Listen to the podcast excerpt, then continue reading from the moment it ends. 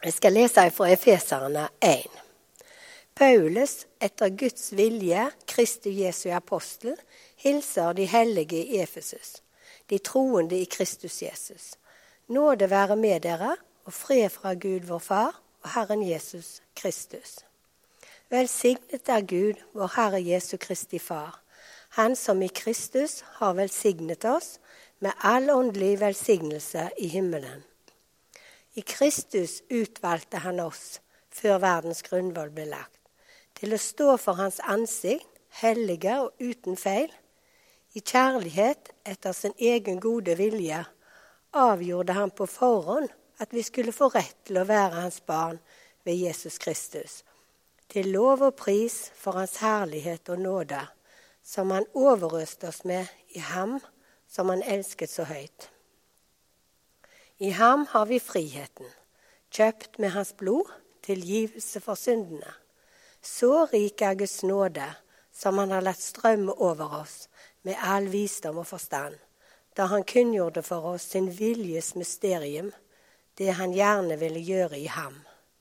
Han ville fullføre sin frelsesplan i tidens fylde og sammenfatte alt i Kristus, alt i himmel og på jord i ham. I ham er vi også blitt arvinger, vi som på forhånd var bestemt til det etter Guds forsett.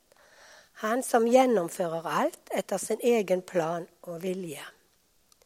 Slik skulle vi være til lov og pris for Hans herlighet, vi som alt nå har satt vårt håp til Kristus.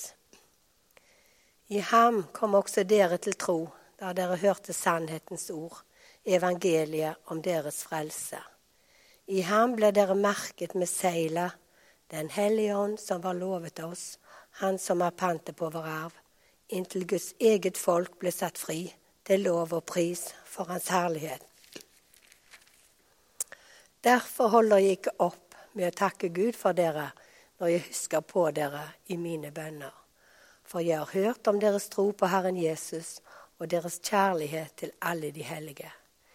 Jeg ber om at vår Herre Jesu Kristi Gud, Herlighetens Far, må la dere få en ånd som gir visdom og åpenbaring, så dere lærer Gud å kjenne. Må Han gi dere lys til hjertets øyne, så dere får innsikt i det håp Han har kalt dere til, og hvor rik og herlig Hans arv er for de hellige, og hvor overveldende Hans kraft er hos oss som tror. Med denne veldige makt og styrke reiste han Kristus opp fra de døde og satte ham ved sin høyre hånd i himmelen. Over alle makter og åndskrefter, over alt velde og herredømme, over alle navn som nevnes kan, ikke bare i denne tid, men også i den kommende.